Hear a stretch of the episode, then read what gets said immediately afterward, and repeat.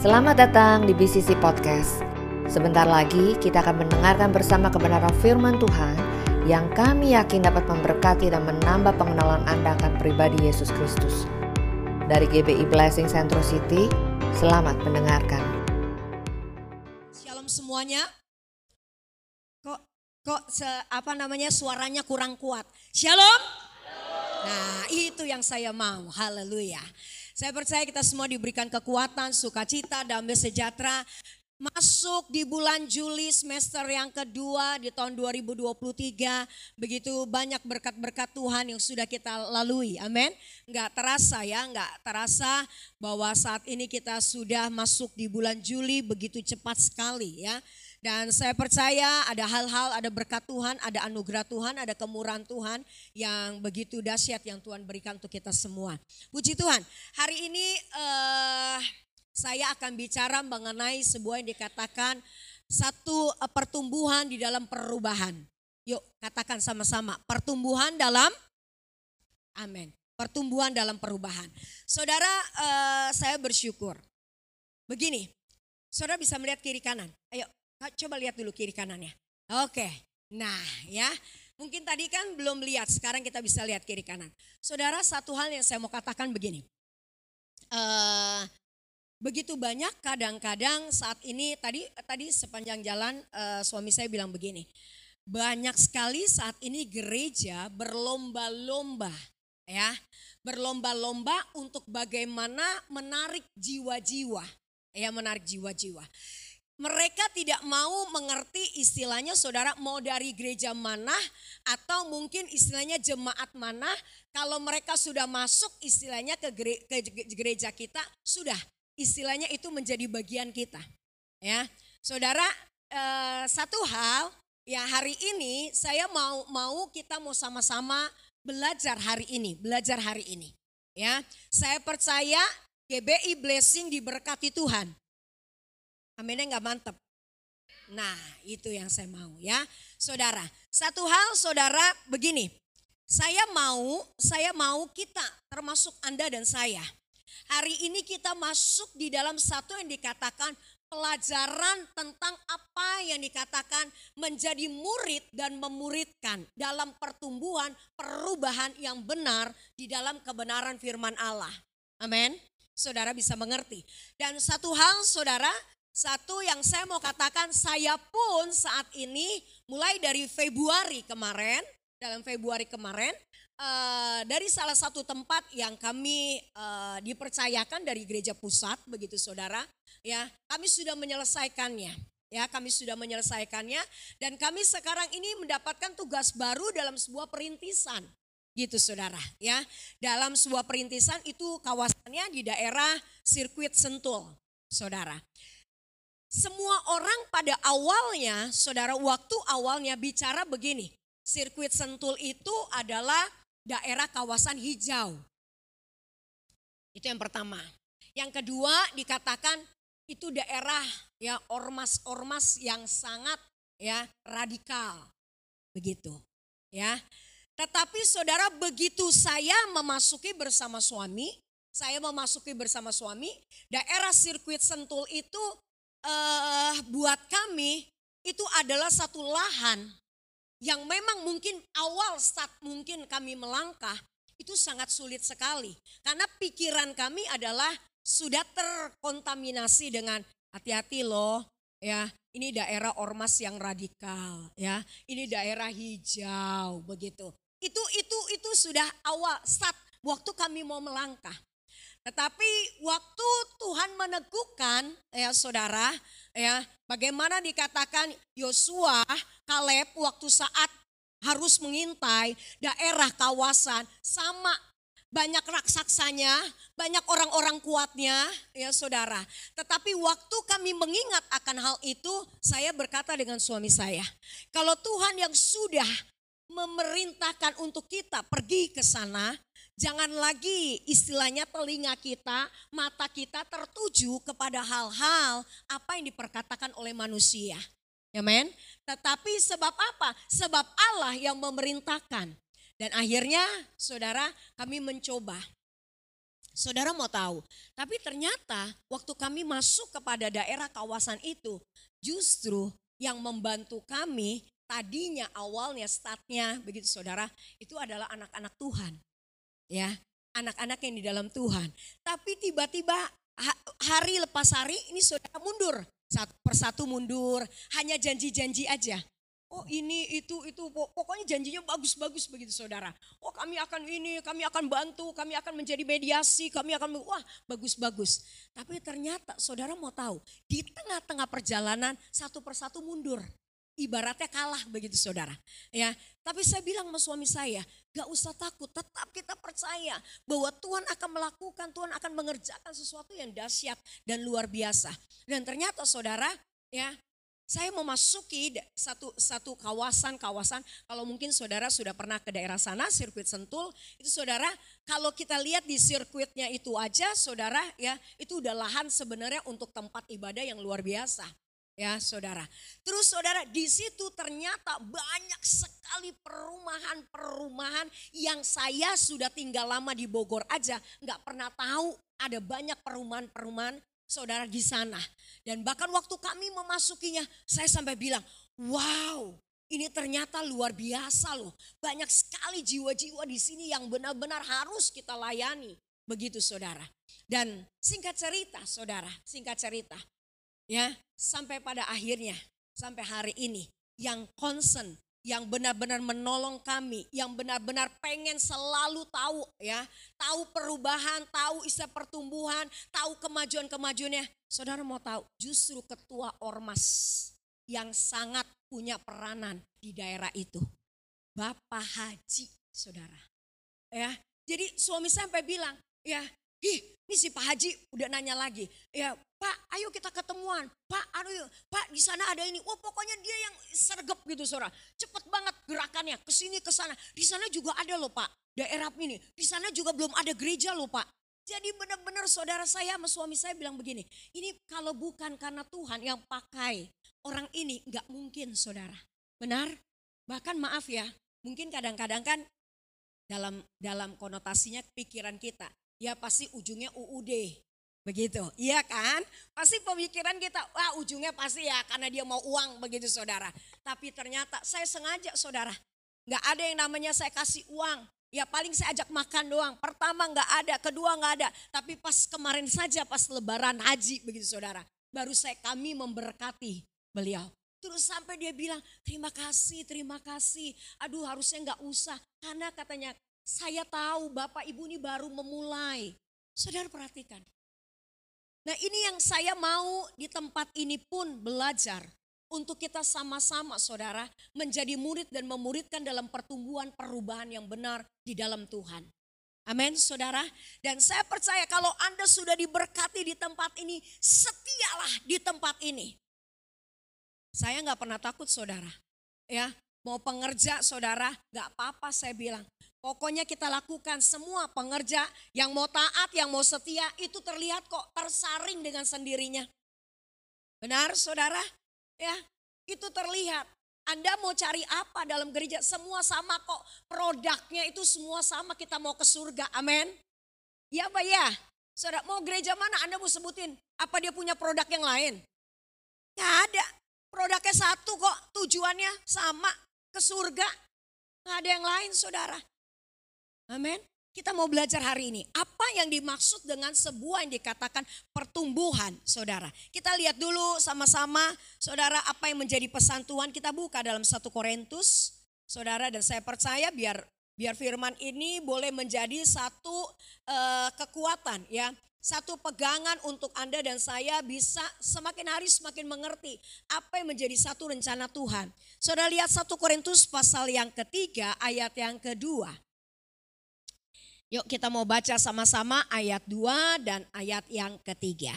Dua, tiga. Yuk sama-sama. Sudah dapat semua? Sorry. Sudah dapat semua? Oke. Dua, tiga. Susulah yang kuberikan kepadamu bukanlah makanan keras. Sebab kamu belum dapat menerimanya. Dan sekarang pun kamu belum dapat menerimanya. Ayat tiga. Karena kamu Sebab jika di antara kamu ada iri hati dan perselisihan, bukankah hal itu menunjukkan bahwa kamu manusia duniawi dan bahwa kamu hidup secara manusiawi. Amin. Kita akan belajar apa yang dimaksud dengan sebuah yang dikatakan saudara perubahan di dalam pertumbuhan yang benar, saudara. Ya, ini mengajak dalam kehidupan pribadi kita. Di sini ada anak-anak, ya saudara. Kalau anak-anak sekolah minggu, saudara, otomatis kita tahu, saudara.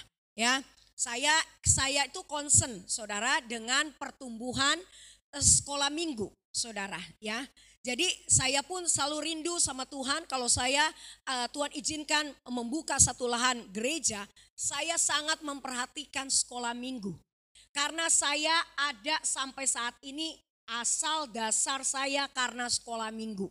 Saudara.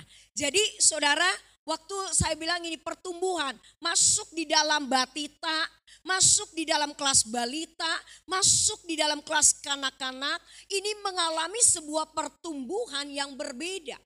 Masuk di dalam kanak-kanak, masuk di dalam pratama, pratama masuk di dalam madya, madya masuk di dalam praremaja, Kenapa saya hafal pertumbuhan-pertumbuhan ini? Karena saya saudara dulu mau jadi guru sekolah minggu aja, saya sekolah khusus untuk saudara ya benar-benar mengajar sekolah guru menjadi guru, enggak main-main saudara. Jadi saya bilang sama suami saya, ya nggak bisa. Saya bilang kita main asal aja mau mau yang makanya banyak sekali anak-anak yang udah kelas 6 disamain dengan anak-anak yang TK atau balita. Mereka udah males, mama nggak mau, aku mau sama mama aja. Karena itu karena mereka tidak masuk di dalam jalur-jalur pertumbuhan. Makanya saudara, bahkan di sini dikatakan ya, kalau sering kali kita di dalam gereja Tuhan, kita maunya berkat-berkat terus, kita maunya sesuatu yang dikatakan firman yang enak, firman yang istilahnya membangun sesuatu yang nyaman dalam kehidupan kita, kita suka sekali. Tetapi kalau firman yang keras, firman yang menegur kita, sering kali kita tidak mau. Ya kan? Seringkali kita katakan ya, aduh firmannya nggak enak atau firmannya terlalu keras, saudara. Padahal firman yang keras itu adalah membangun Anda untuk Anda menjadi manusia-manusia yang mengalami perubahan, pertumbuhan yang benar di dalam Tuhan. Amen, saudara. Ini mengajar untuk kita apa? Enggak gampang. Saya kenal bahkan di sini pengerja ya pengerja yang sudah lama sekali istilahnya ya saya kenal Bapak Ibu Gembala Anda itu dari gereja lama, saudara. Dia taat, setia, ya. Ferdi dulu masih kecil sekali, masih kurus, masih kurus, saudara. Saya kenal tuh masih masih sangat langsing begitu, ya. Benar jam 7 pagi udah jadi koordinator. Saudara saya kenal, saya tahu sekali melayani saudara dari di Mandarin Service saudara segala macam. Kita semua sudah alami itu. Nah kalau sekarang Tuhan izinkan saat ini dia concern untuk bagaimana masuk dalam pengembalaan. Saya percaya bukan sesuatu yang mudah. Itu mengalami proses, proses, proses, proses yang tidak mudah. Tetapi proses itu membawa sebuah pertumbuhan dalam sebuah kebenaran yang membangun iman kita menjadi lebih dewasa. Amin. Hari ini makanya kita mau belajar dalam setiap kehidupan pribadi Anda dan saya. Dikatakan kenapa banyak sekali anak-anak Tuhan yang istilahnya saudara masih maunya makanan-makanan yang enak. Makanan-makanan susu ya. Susu madu yang manis-manis maunya. Ya, yang nyaman-nyaman maunya. Kalau yang udah keras rasanya ini bukan buat saya, buat lu aja atau mungkin buat orang lain. Saya mau katakan hari ini. Waktu Anda mau masuki dalam satu pertumbuhan yang benar, dalam perubahan yang benar di dalam Tuhan, Anda harus siap. Apa yang Anda harus siap? Pertama, firman Allah katakan, saudara perhatikan baik-baik ya. Bersihkan hati kita. Ya, Jangan mudah maka di sini dikatakan kalau Anda masih punya iri hati, Anda masih punya perselisihan, saudara dikatakan berarti Anda masih manusia duniawi. Terus Anda bilang begini, ya kan kita juga masih tinggal di dunia, ya logis lah kalau masih istilahnya kecewa, ya kecewa boleh. Saya juga pernah kecewa, ya tetapi nggak perlu kita masukin di dalam hati kita. Amin, saudara. Cukup selesaikan. ya sama Tuhan. Ya, saudara, saya percaya ada hal-hal, ada berkat-berkat Tuhan yang Tuhan siapkan sesuatu yang baru. Ya banyak sekali saudara.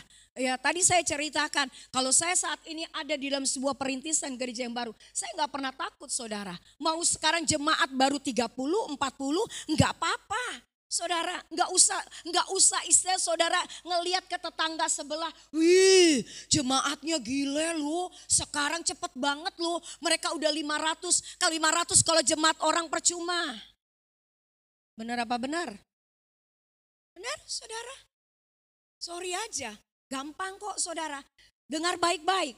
Kalau kita mau gereja ini cepat, saudara bertumbuh, oh gampang, kumpulin aja dengan cara kumpulin masa, saudara nggak usah jauh-jauh. Panggil pengkhotbah, artis-artis panggil di sini cepet. Saudara, tapi untuk apa? Saudara hanya istilahnya hanya menyenangkan secara jasmani, tetapi secara roh Anda kosong.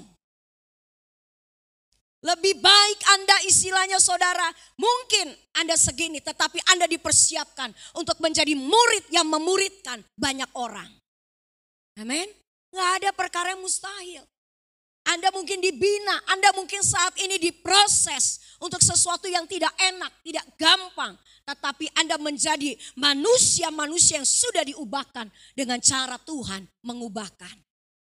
Inilah yang saya mau kita bersama-sama di tengah zaman akhir ini menjadi yang dikatakan masuk dalam pertumbuhan perubahan di dalam Tuhan. Hati kita, hidup kita harus siap benar-benar saudara dibersihkan dari hal-hal apa yang menjadi keduniawian. Saya melihat, saya melihat di tengah zaman ya di tengah zaman era istilahnya ya setelah habis selesainya pandemi saudara. Setelah selesainya pandemi, begitu banyak gereja-gereja saat ini pun masih belum normal. Masih belum normal. Masih banyak, masih banyak. Karena saya juga mengalami. Kalau saya telepon, apalagi kalau maaf ya, mereka yang tidak ambil vaksin ya mereka bilang ini aduh Bu Sandra maaf banget saya nggak mau nggak nggak berani. Lebih baik saya ibadah di rumah saja. Ya.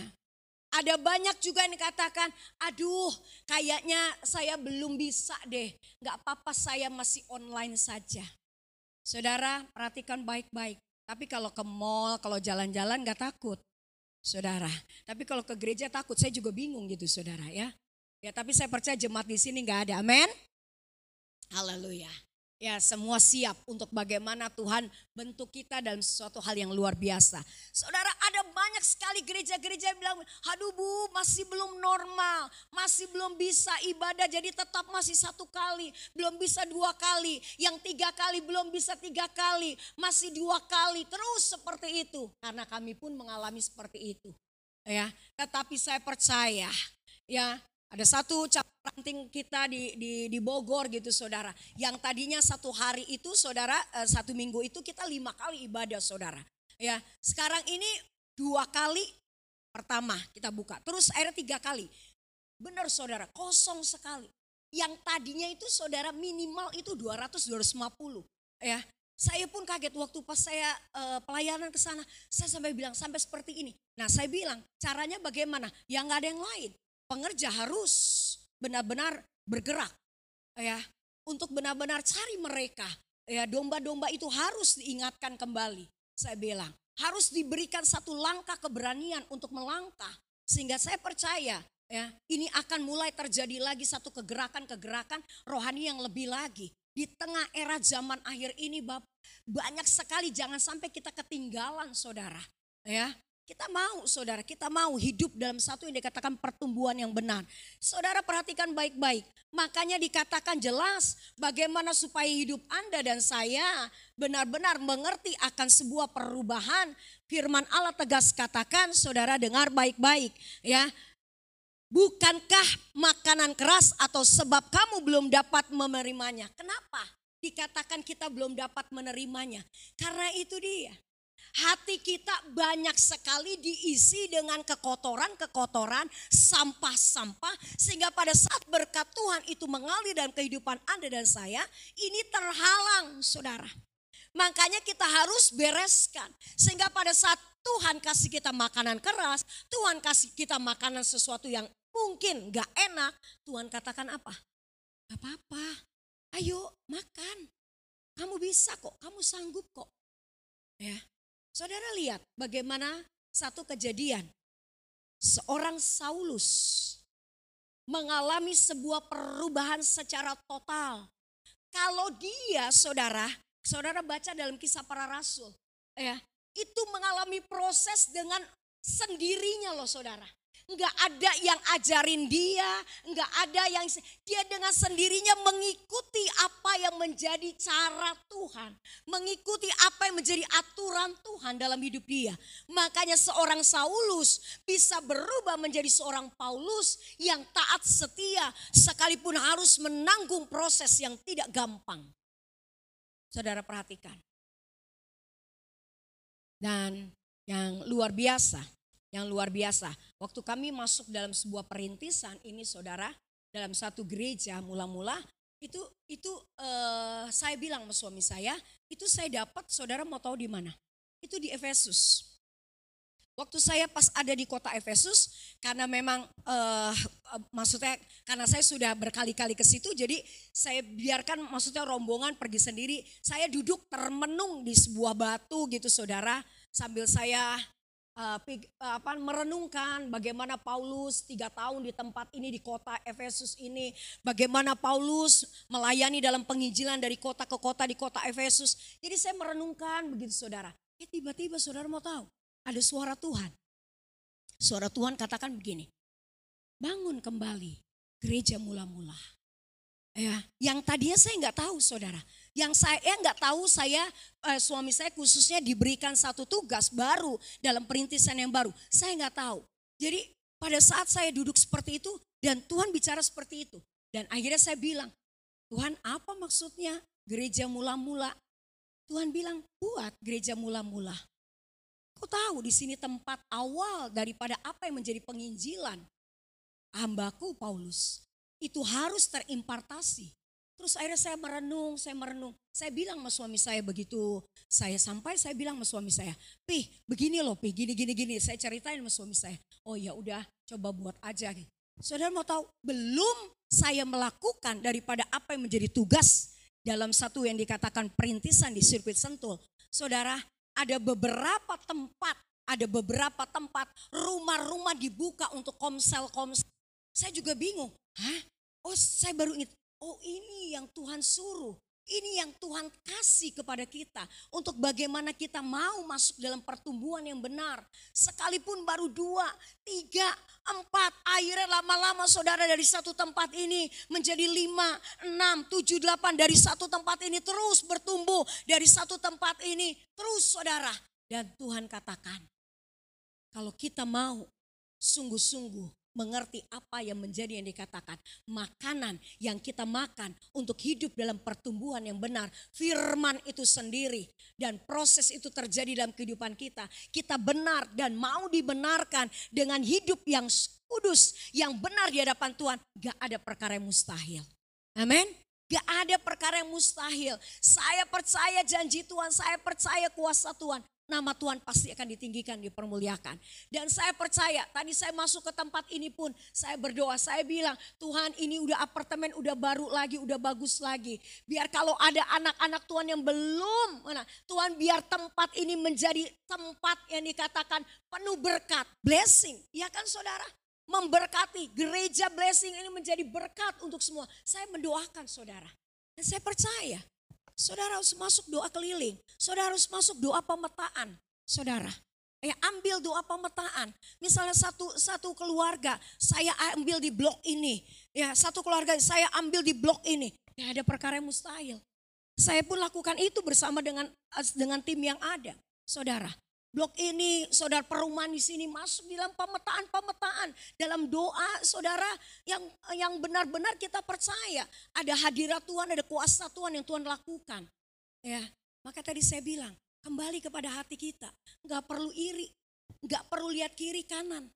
Saya bilang ini segini sudah cukup. Tuhan mau bekerja melawat Anda dengan luar biasa. Dan nanti kalau Anda sudah menjadi murid, Anda sudah memuridkan tempat ini bahkan tidak muat. Ada amin? Nggak ada perkara mustahil. Ini bagian kita bersama. Isi hati kita dengan sesuatu yang dikatakan benar dalam makanan yang dewasa. Amin. Saudara, isi hati kita dengan makanan yang baik.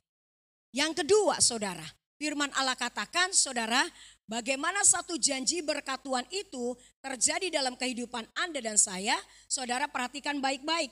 Di sini kita buka di dalam, saudara Kolose kita lihat. Karena firman Allah katakan Kolose pasal yang ketiga ayat yang ke-10. Yuk kita mau baca sama-sama. Kolose pasal yang ketiga ayat yang ke-10. Sudah dapat? Dua, tiga, yuk. Dan telah mengenakan manusia baru yang terus menerus apa? Diperbaharui untuk apa? Memperoleh pengetahuan yang benar menurut gambar kaliknya. Saudara perhatikan baik-baik. Yang kedua, saudara tadi saya katakan hati kita harus diisi dengan makanan-makanan yang benar, makanan-makanan yang bermanfaat, makanan-makanan yang sungguh-sungguh mendewasakan. Sehingga hidup kita menjadi berkat buat banyak orang. Yang kedua saudara perhatikan ya. Dan telah mengenakan manusia baru. Dan telah berarti apa? Kita sudah menanggalkan hidup kita yang lama. Kita sudah masuk pada saat kita melangkah memasuki satu yang dikatakan kemanusiaan yang baru. Kalau orang yang hidupnya sudah baru, saudara, berarti fokus tujuannya bukan lagi dunia. Fokus tujuannya bagaimana kita mau menyenangkan hati Tuhan. Amin. Melayani untuk menyenangkan hati Tuhan. Ya. Ada banyak sekali kadang-kadang saudara ya kita melayani saudara sok karena kita punya skill. Sok kita karena punya mungkin suara bagus. Saudara, ya.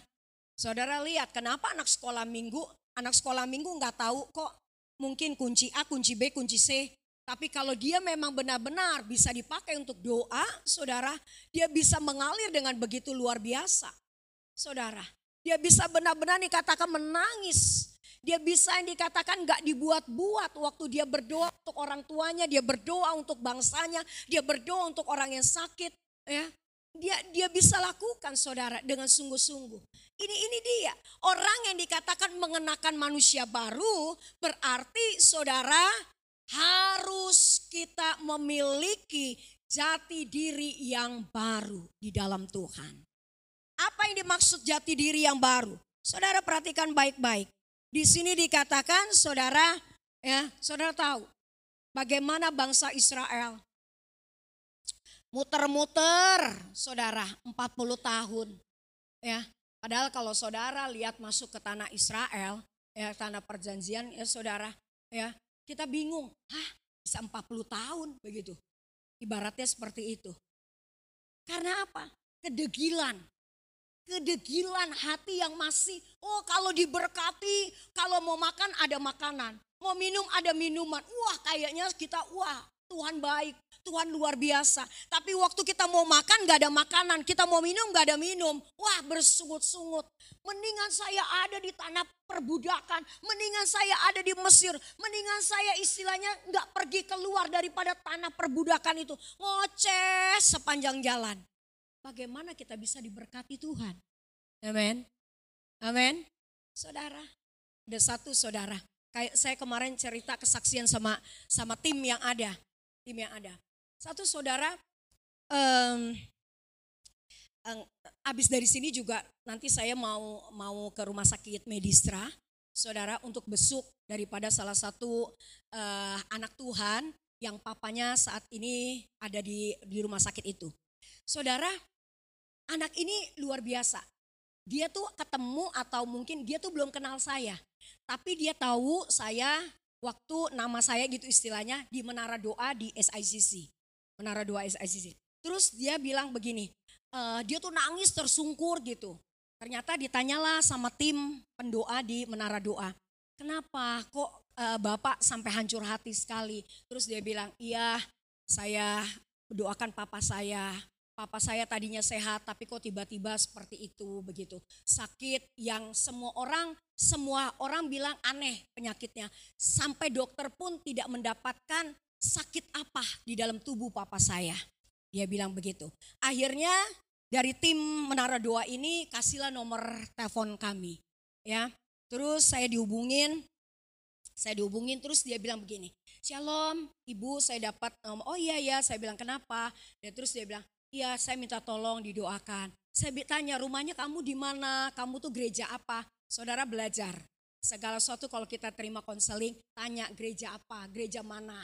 Ya, jangan sok istilahnya saudara mau istilahnya ini mau gereja siapa aja mau disikat aja. Jangan. Kamu di gereja mana? Terus saya tanya, "Oh iya di sini." Terus saya bilang, apakah sudah dilayani sama gembala Anda atau apa. Terus dia baru bilang, terus papa saya Katolik, saya itu ada di CK7. Oh saya bilang oke okay, berarti kita sama satu satu ya undernya uh, Pak Niko. Saya bilang begitu. Udah saudara udah saya cerita bla bla. Tapi dia bilang begini saya saya sungguh saat dia kasih lihat foto-foto papanya.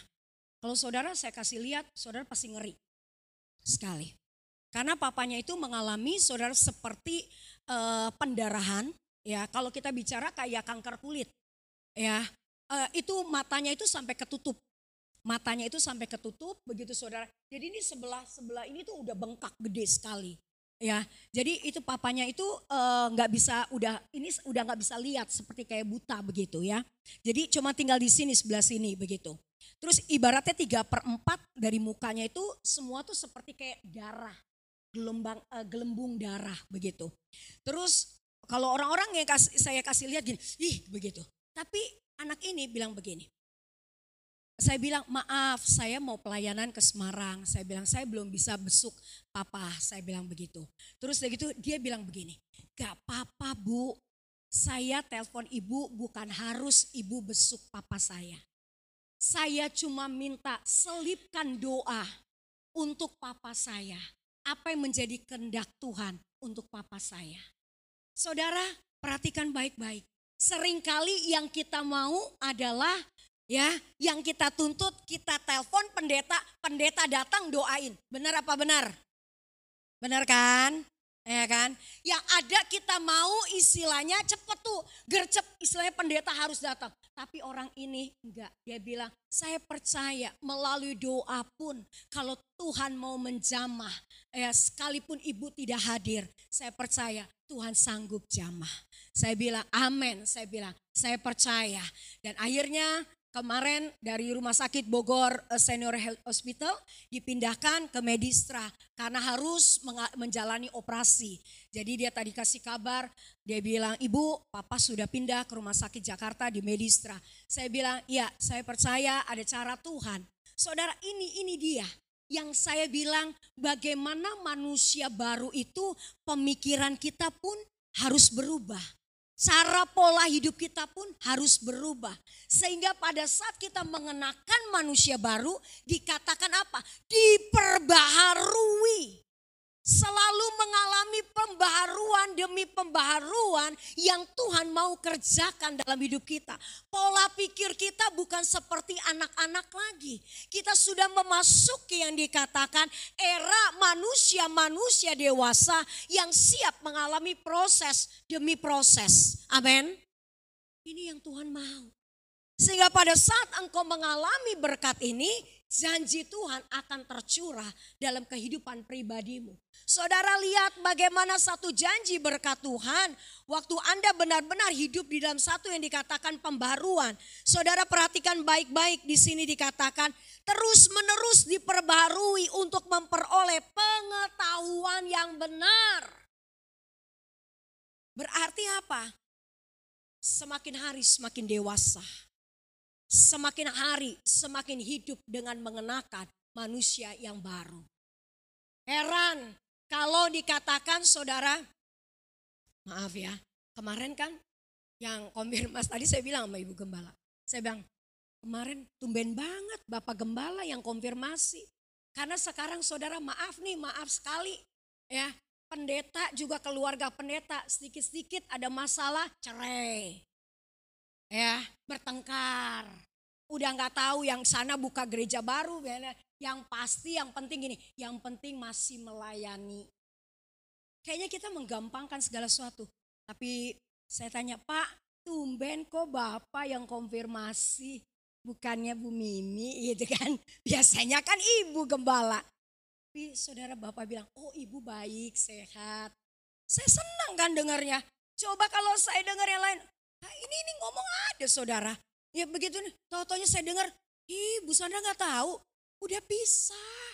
Ada orang ketiga. Pendeta loh, saudara gembala loh. Saudara, ketiga, keempat, kelima, buset. Eh saudara, saya percaya di sini suami istri, suami istri, semua Anda adalah manusia-manusia sudah diperbarui. Amin. Sejelek apa pun istri kita, dengan apa pun, tetap dia punya satu kecantikan yang berbeda. Ada amin? Eh saya senang loh ada suami langsung lihat gini. Lihat istrinya. Itu itu itu itu itu itu bagus benar. Gitu ya. Itu memandang-memandang dengan dengan manis itu itu luar biasa sekali. Saudara, daripada saudara pandang perempuan lain mendingan pandang istri saudara kan? Nah, itu saudara. Ya puji Tuhan saudara. Ya, Tuhan tuh baik, luar biasa, luar biasa. Ini ini makanya dikatakan apa? Diperbaharui untuk mengetahui pengetahuan yang benar di dalam Tuhan. Sehingga hidup Anda naik kepada level yang lebih lagi. Dan yang ketiga, yang terakhir, dengar baik-baik. Gereja sangat memerlukan pengurapan. Gereja sangat memerlukan pengurapan. Firman pengetahuan itu yang menjadi basic dasar. Tetapi sebuah pengurapan itu tidak bisa dipelajari dengan apa pun. Pengurapan itu terjadi dari apa? connecting, hubungan antara Anda dengan Allah. Amin. Saudara. Dan pengurapan itu saudara yang memberikan covering saudara. Yang memberikan yang dikatakan membungkus, menguatkan. ya Supaya dalam setiap serangan-serangan dalam kehidupan pribadi, kehidupan Anda sebagai manusia-manusia yang sudah diperbarui. Kita tetap diperkuat dengan hadirat Allah. Diperkuat dengan roh Allah. Saudara lihat bagaimana Daud. Saudara, saudara bisa melihat bagaimana Daniel. Saudara bisa melihat bagaimana kehidupan daripada seorang Paulus. Ya, saudara lihat bagaimana kehidupan para rasul. Pada saat mereka menerima pengurap daripada kuasa roh kudus. Mereka berbeda. Mereka menjadi manusia-manusia yang kuat di dalam Tuhan. Nah inilah yang harus Anda dan saya mengerti. Masuk dalam pertumbuhan kedewasaan yang benar di dalam Tuhan. Hati kita harus bersih. Hati kita harus benar di hadapan Allah. Yang kedua saudara, waktu Anda masuk di dalam satu yang dikatakan pertumbuhan benar. Dengar, kenakan sudah lepaskan sesuatu yang lama, kenakan manusia yang baru. Dan Anda hidup dalam pembaruan bersama dengan Tuhan. Terus menerus, terus menerus. Diperbarui, diperbarui, diperbarui. Dan begitu Anda melangkah di mana pun Anda berada. Pada saat Anda selalu ada. ya Pengurapan yang baru. ya Berkat Tuhan akan terjadi dalam hidup Anda dan saya. Saya percaya Waktu Anda mau terima itu semua. Ya, nggak ada perkara yang mustahil. Di mana pun, proses apa pun, Anda mau bicara apa, saya bisa jawab. Keuangan saya mengalami dalam keuangan yang krisis bagaimana yang dikatakan sulit bagaimana tidak ada pemasukan tetapi pengeluaran begitu luar biasa Tuhan sanggup mengerjakan Tuhan sanggup sebab firman Allah katakan Roma 8:28 itu tidak akan pernah berlalu begitu saja amin ini dia semua Tuhan ambil alih kalau kita mau hidup dalam pertumbuhan yang benar. Amin. Hari ini ayo kita mau sama-sama menjadi murid yang memuridkan. Taat dan setia di mana engkau bertumbuh. Dan teruslah menjadi berkat di mana engkau ada. Amin. Amin. Saya percaya biarlah Seluruh pengerja di tempat ini, jemaat di tempat ini semakin hari semakin cinta akan Tuhan. Dan mau bersama-sama bergandengan tangan. Mau meraih jiwa-jiwa untuk kemuliaan bagi nama Tuhan. Tutup Alkitab kita, kita masuk dalam doa. Terima kasih telah mendengarkan BCC Podcast. Kami berharap firman Tuhan hari ini memberkati dan menguatkan Anda lebih lagi. Untuk informasi lebih lanjut mengenai GBI Blessing Central City, anda dapat mengaksesnya melalui Instagram at Blessing Centro City.